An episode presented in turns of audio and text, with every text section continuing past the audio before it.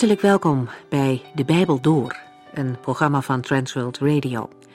De Bijbel Door is een radioserie die u in vijf jaar meeneemt door de hele Bijbel. Van Genesis 1 tot Openbaring 22.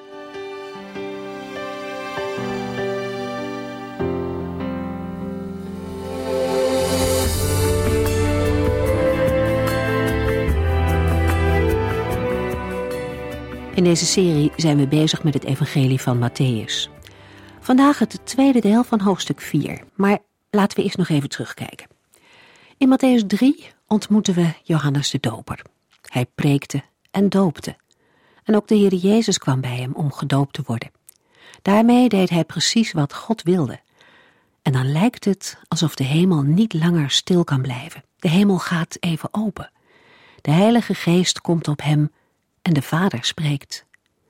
Vanuit de hemel zegt God de Vader: Dit is mijn geliefde zoon, hij verheugt mijn hart.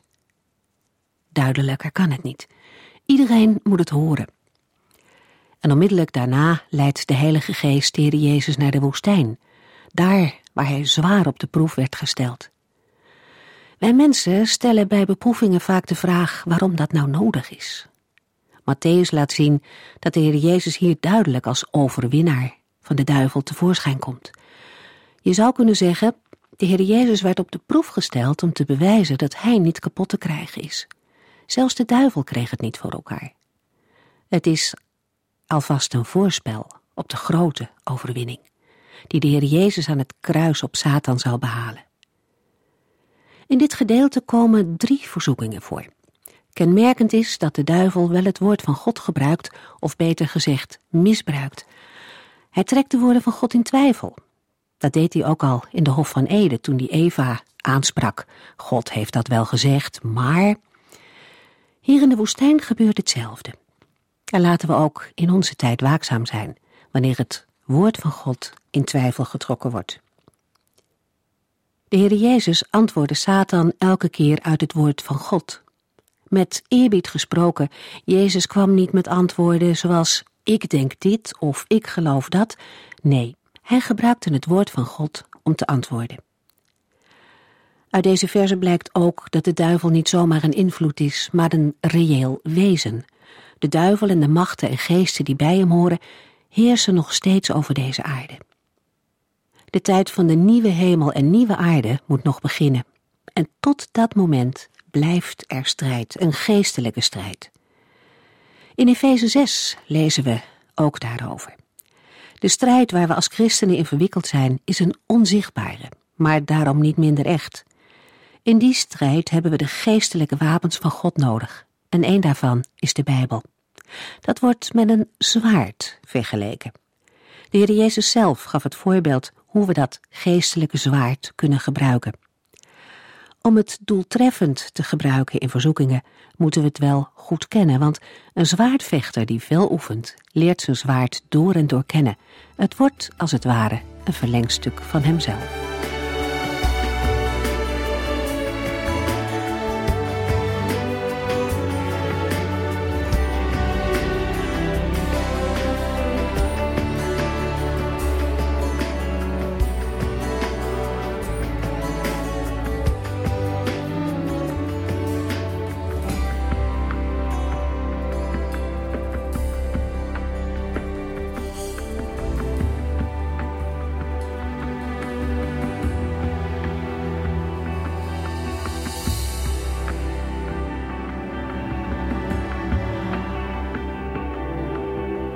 Vorige uitzendingen hebben we Matthäus 1, vers 1 tot en met Matthäus 4, vers 11 gelezen en besproken. In het genoemde gedeelte stond de persoon van de koning in het middelpunt. In Matthäus 1 hebben we stilgestaan bij zijn afstamming, afstammeling van David en afstammeling van Abraham. Hij is als koning geboren. Wijzen uit het oosten kwamen om hem te aanbidden en gaven geschenken. Maar de Joodse leiders, zij die het hadden moeten weten, kwamen niet naar Bethlehem om te aanbidden. Wonderlijk dat koning Herodes direct doorhad dat deze koning een bedreiging voor zijn troon was. Het verschrikkelijke gebeurde, de kindermoord in Bethlehem. Dan verschijnt de voorloper, de heraut op het toneel, Johannes de Doper. Jezus wordt als een koning gedoopt en vlak daarna verzocht. In de verzoeking en beproeving houdt de koning stand. Hij overwint. En wij? Laten we ons realiseren wie onze echte vijand is. Hij is een geestelijke vijand. Hij wil als God zijn. De duivel is niet tevreden met wat hij te pakken heeft. Hij wil meer. Denk nog maar eens aan wat hij tegen de Heer Jezus zei. Dat zal ik u allemaal geven, als u voor mij neerknielt en mij aanbidt. Matthäus 4, vers 9. Luisteraar, denk niet dat de duivel dit alleen maar aan Jezus vraagt en hij u met rust laat. Ook wij staan voor de vraag: voor wie knielen wij? Wie aanbidden wij? Een vraag om over na te denken. Misschien moet ik de vraag iets anders stellen. Naar wie luisteren wij? We kunnen naar ons eigen stemmetje luisteren of, net als Adam en Eva, naar de stem van Satan. Een mens kan er ook voor kiezen om naar de stem van de Heer Jezus en het woord van God te luisteren. Daarover gaat het in het vervolg. Matthäus 4, vers 12 en 13. Toen Jezus hoorde dat Johannes de Doper was gevangen genomen, ging hij terug naar Nazareth in Galilea. Niet lang daarna verhuisde hij naar Capernaum, een stadje aan het meer van Galilea, in het gebied van Zebulon en Naphtali. De Jezus trok zich terug. Waarom? Omdat Johannes door Herodes was opgepakt en gevangen gezet. Het Griekse woord in de grondtekst betekent wijken voor gevaar. De heiland moet hebben geweten dat hem hetzelfde als Johannes zou kunnen gebeuren. De heer Jezus verplaatst zich van het zuiden naar het noorden, van Nazareth naar Capernaum in Galilea. In Galilea was de heer Jezus voorlopig veilig voor moeilijkheden van de kant van de officiële instanties. Capernaum betekent dorp van Nahum. Het lag ongeveer vier kilometer ten westen van het punt waar de Jordaan uitmondt in het meer van Galilea aan de noordwestelijke oever. Het was een van de belangrijkste plaatsen in Galilea. Er was een synagoge, Marcus 1, vers 21, een Romeinse politiepost, Matthäus 8, vers 5 en volgende, en een grenskantoor, Matthäus 9, vers 9. De heer Jezus heeft Nazareth, de stad waar hij zijn jeugd heeft doorgebracht, verlaten toen de mensen hem verwierpen.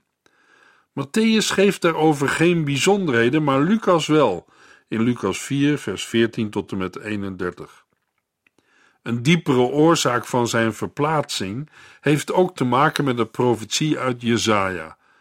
Matthäus 4, vers 14 tot en met 16.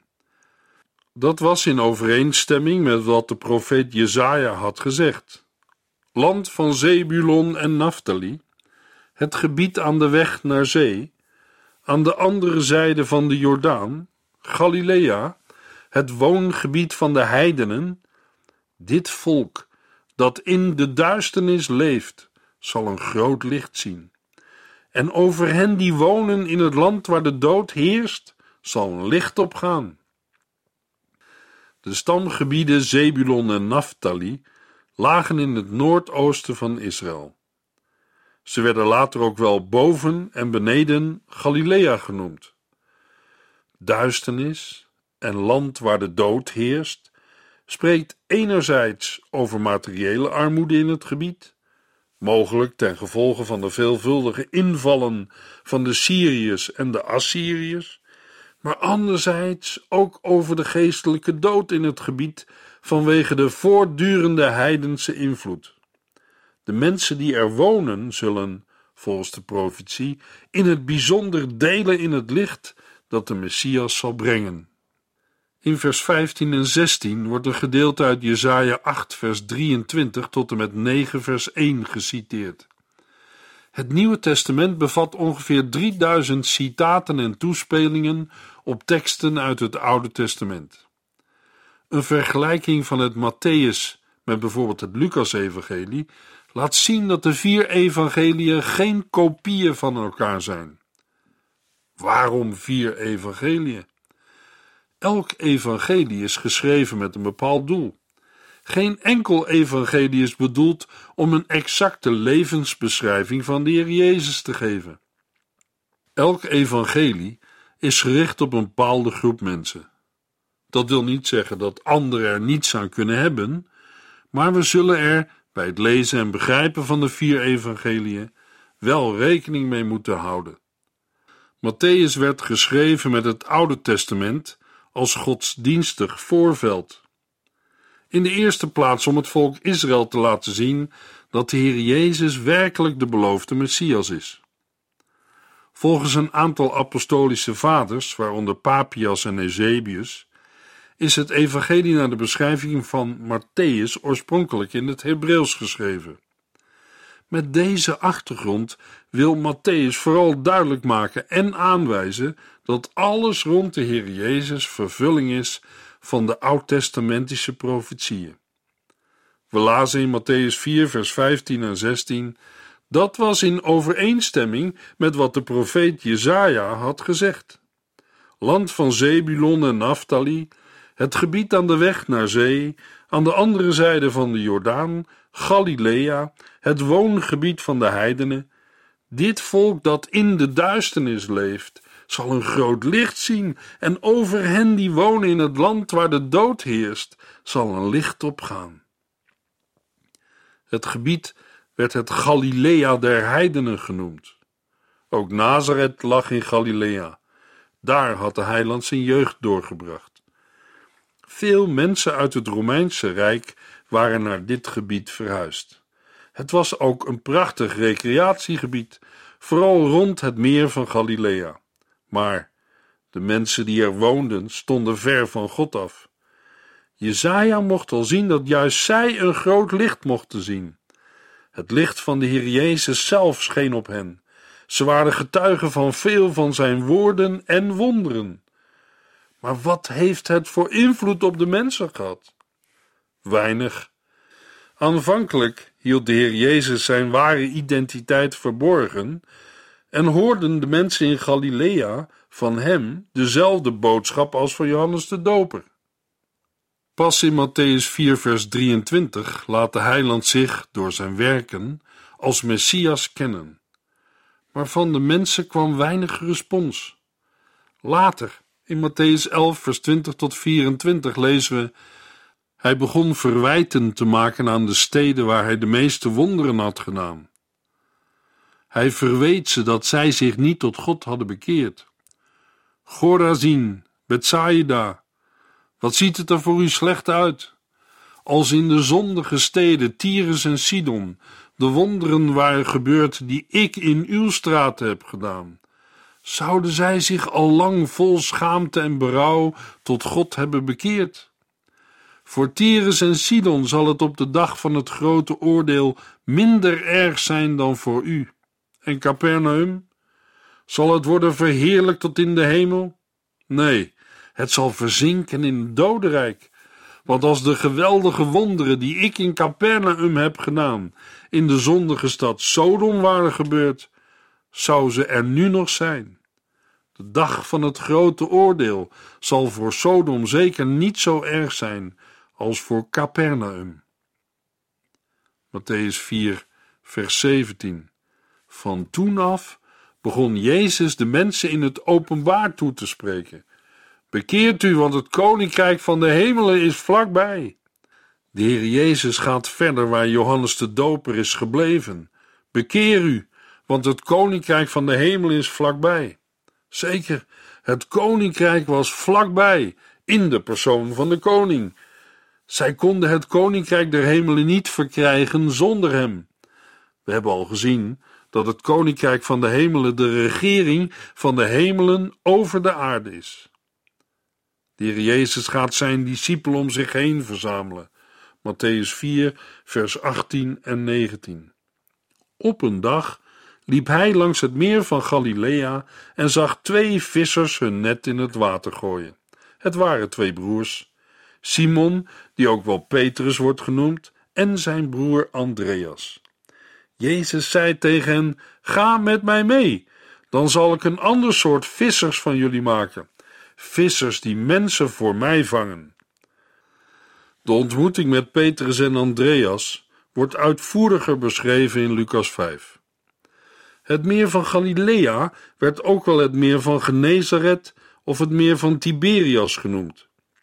Het is ongeveer 12 kilometer breed, 21 kilometer lang en ligt ongeveer 200 meter onder de zeespiegel. De roeping die bij deze ontmoeting plaatsvond, was nog niet de aanstelling tot apostel. Dat gebeurde later, vlak voordat ze als apostelen werden uitgezonden. Matthäus 10. Hier, in Matthäus 4, gaat het om een oproep van de Heer Jezus om zijn leerlingen te worden. Hij roept namelijk op de manier waarop een rabbi zijn leerlingen uitnodigde. Kom achter mij of ga met me mee. Er vonden drie ontmoetingen plaats tussen de Heer Jezus en de vier mannen die in Matthäus 4 worden genoemd. In Johannes 1, vers 35 tot en met 42 lezen we over de eerste ontmoeting in Jeruzalem. De tweede ontmoeting vond plaats bij het meer van Galilea, en daarvan hebben we het verslag gelezen. De vier mannen die hier door de Heer Jezus worden geroepen, hadden hem al eerder gezien. Toen had hij hen niet geroepen om met hem mee te gaan. Nu, bij het meer van Galilea, roept hij hen om hem te volgen. Het ik zal van jullie vissers van mensen maken, handelt over hun toekomstige bediening. Zij zullen het volk van God verzamelen in het koninkrijk van de hemelen, zoals een visser met een visnet de vissen vangt. Matthäus 13, vers 47. Maar een visser van mensen worden kan alleen op één voorwaarde. Daarvoor moeten mensen leerling van de Heer Jezus worden en hem volgen. Jezus spreekt de mannen aan in een taal die ze als vissers goed konden begrijpen. De derde ontmoeting vindt plaats als de heiland hen roept tot het apostelschap. Het wonderlijke aan dit alles is dat de Heer Jezus deze mannen riep. Heel gewone mensen uit het volk, geen superheiligen, dat zullen we in het vervolg wel ontdekken. Dat is ook een hele bemoediging voor ons aangezien de Heere onvolmaakte mensen als zijn discipelen riep. Mag dat ons aanmoedigen hem te volgen en ons door hem te laten gebruiken. De Heere kan ook u en jou gebruiken, maar er is één voorwaarde. Voor een visser van mensen moet de mens een leerling van de Heer Jezus worden en hem volgen als zijn of haar Heere. Wat uw of jouw talent en gave ook mag zijn, hij kan ons gebruiken als wij de ontvangen gaven en talenten in Zijn handen leggen. Luisteraar, gelooft u dat de Heer Jezus u kan gebruiken, zelfs als wij denken dat we toch niet veel kunnen doen? Wij hebben vaak allerlei blokkades die ons weerhouden om een levend getuige te zijn. In de Bijbel lezen we dat gelovigen een leesbare brief van Christus zijn.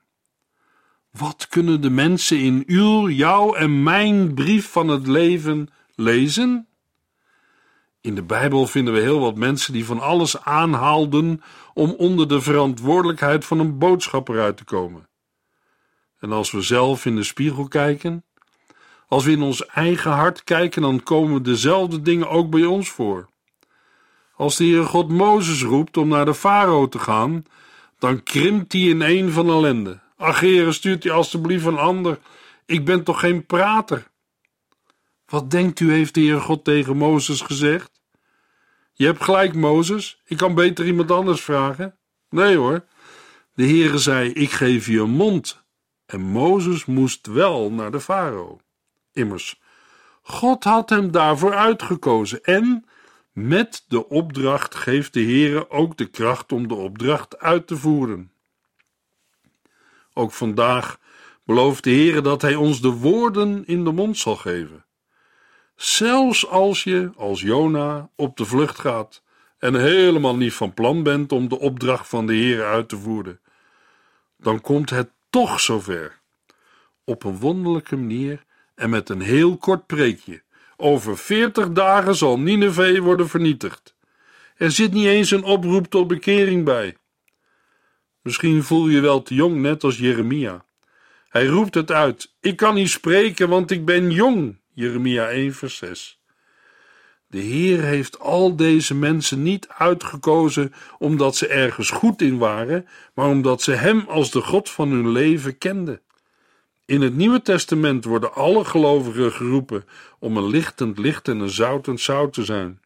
De Heere belooft ons zelfs dat Hij zijn Heilige Geest zal geven, die ons zal leren alles wat we moeten zeggen of doen.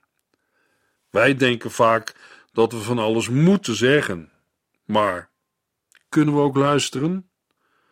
Een dame van een bepaalde kerk stond absoluut met haar mond vol tanden als het op getuigen van Christus aankwam. Vaak betreurde ze het feit dat ze niet in staat was om in passende woorden te getuigen van haar geloof. Maar ze was wel erg goed in het bakken van de heerlijkste cake. Bij een ontmoeting met buurtbewoners die rondom de kerk woonden, ontdekte ze dat de cake haar hielp om met mensen in gesprek te komen. Bezoekers vroegen haar zelfs hoe zij het geloof beleefde. Aan het eind van de dag sprak ze de gevleugelde woorden: Zelfs met cake kun je de Heere dienen. Het is belangrijk om ons aan de Heere toe te vertrouwen. Onder zijn leiding wil hij niet dat we allemaal hetzelfde doen. Hij heeft ons allemaal verschillende gaven en talenten gegeven. Waarom? Om veel geld te verdienen en geen tijd te hebben om in de Bijbel te lezen, te bidden en naar een kerk of een gemeente te gaan? Nou, dat denk ik niet. De kerk, als lichaam van Christus, is geroepen om al de volken tot zijn discipelen te maken. Matthäus 4, vers 20 tot en met 22. Zij lieten meteen hun netten liggen en gingen met hem mee. Iets verderop zag Jezus nog twee broers, Jacobus en Johannes, de zonen van Zebedeus. Zij zaten bij hun vader in de boot netten te repareren. Hen riep hij ook. Zij lieten direct de boot en hun vader achter en gingen met Jezus mee. Andreas was eerder een discipel van Johannes de Doper geweest, Johannes 1, vers 40. In die tijd waren beiden, Andreas en zijn broer Simon Petrus, al met Jezus in contact geweest. Maar nu geven ze hun dagelijkse werk op om de Heer Jezus te volgen. We zullen hen in het vervolg beter leren kennen. Deze twee broers zullen later heel veel voor de eerste gemeente betekenen. Jacobus is de eerste martelaar onder de apostelen geworden, Handelingen 12, terwijl Johannes waarschijnlijk het langst heeft geleefd. Matthäus 4, vers 23. Jezus trok door heel Galilea. Hij sprak in de synagogen en vertelde overal het goede nieuws van het koninkrijk. Hij genas de mensen van alle ziekten en kwalen. Het valt op dat we lezen: hij sprak in de synagogen. Het woord synagoge betekent letterlijk samenbrengen, verzamelen. In de tijd van de Babylonische ballingschap is deze Joodse instelling sterk opgekomen. Daarvoor bestonden er al synagogen en de eerste voorlopers vinden we in Egypte. De synagoge vormt een van de belangrijkste instituten in de Joodse samenleving. Het was hoofdzakelijk een plaats van onderwijs.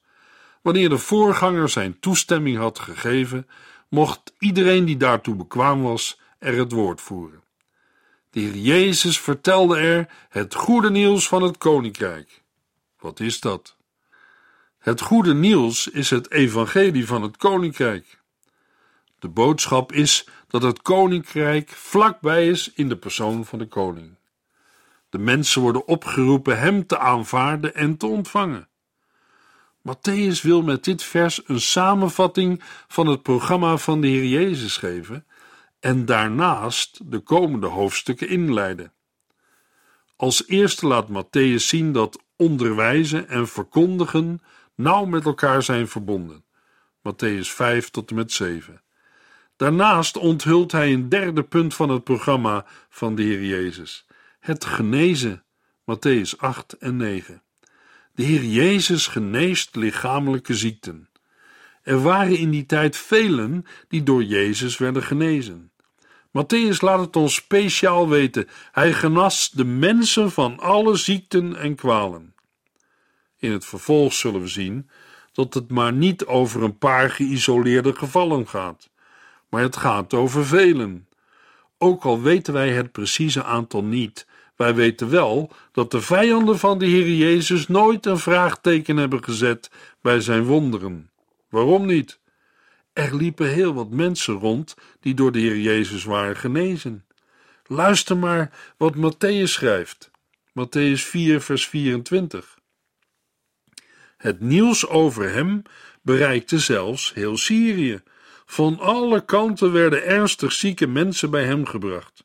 Sommigen hadden boze geesten, andere leden aanvallende ziekte, weer anderen waren verlamd. Maar wat zij ook hadden, hij genas hen allemaal. Na een algemene aanduiding voor zieken, van alle kanten werden ernstig zieke mensen bij hem gebracht, worden drie groepen met name genoemd: bezetenen, epileptici en lammen. Waarschijnlijk waren dit destijds de ergste ziektegevallen die voor ongeneeslijk werden gehouden. Over hoeveel mensen zal dit gaan? Matthäus 4, vers 25. Grote groepen mensen volgden hem. Ze kwamen uit Galilea, Decapolis, Jeruzalem, Judea en van de andere zijde van de Jordaan. Decapolis was een district met tien steden in het noordoostelijke deel van Galilea ten oosten van de Jordaan. Ook kwamen er mensen vanuit Jeruzalem en Judea en van over de Jordaan. Wij zouden zeggen, van heinde en verre kwamen de mensen naar de Heer Jezus. Matthäus stelt de Heer Jezus voor als koning. Vooral wil hij Joodse lezers laten zien dat hij de beloofde Messias is. De vele citaten uit het Oude Testament helpen mee om de koning en zijn aanspraken naar het volk Israël te brengen. Matthäus geeft geen chronologisch verslag van het leven van Christus. In de volgende uitzending maken we een begin met Matthäus 5.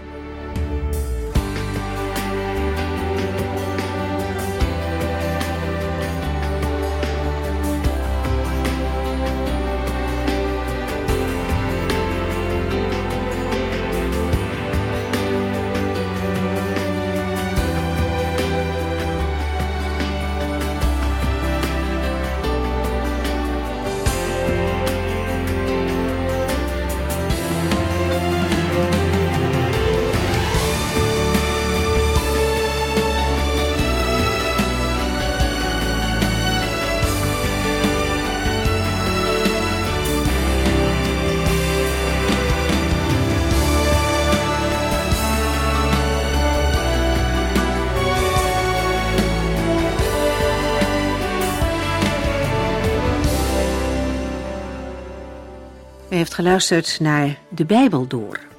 In het Nederlands vertaald en bewerkt door Transworld Radio. Een programma waarin we in vijf jaar tijd de hele Bijbel doorgaan. Als u wilt reageren op deze uitzending of u heeft vragen, dan kunt u contact met ons opnemen. Tijdens kantooruren kunt u bellen op 0342 47 8432. 0342 47 8432. 32. Ook kunt u een e-mail sturen naar de Bijbel door transworldradio.nl en natuurlijk kunt u ook via de post ons bereiken. TWR, postbus 371, postcode 3770, AJ in Barneveld. Dit programma werd gepresenteerd door Cor Weda en Ike André. Techniek was in handen van Odin van Woerdekom. En wij allemaal bedanken u voor het luisteren. Graag tot de volgende keer.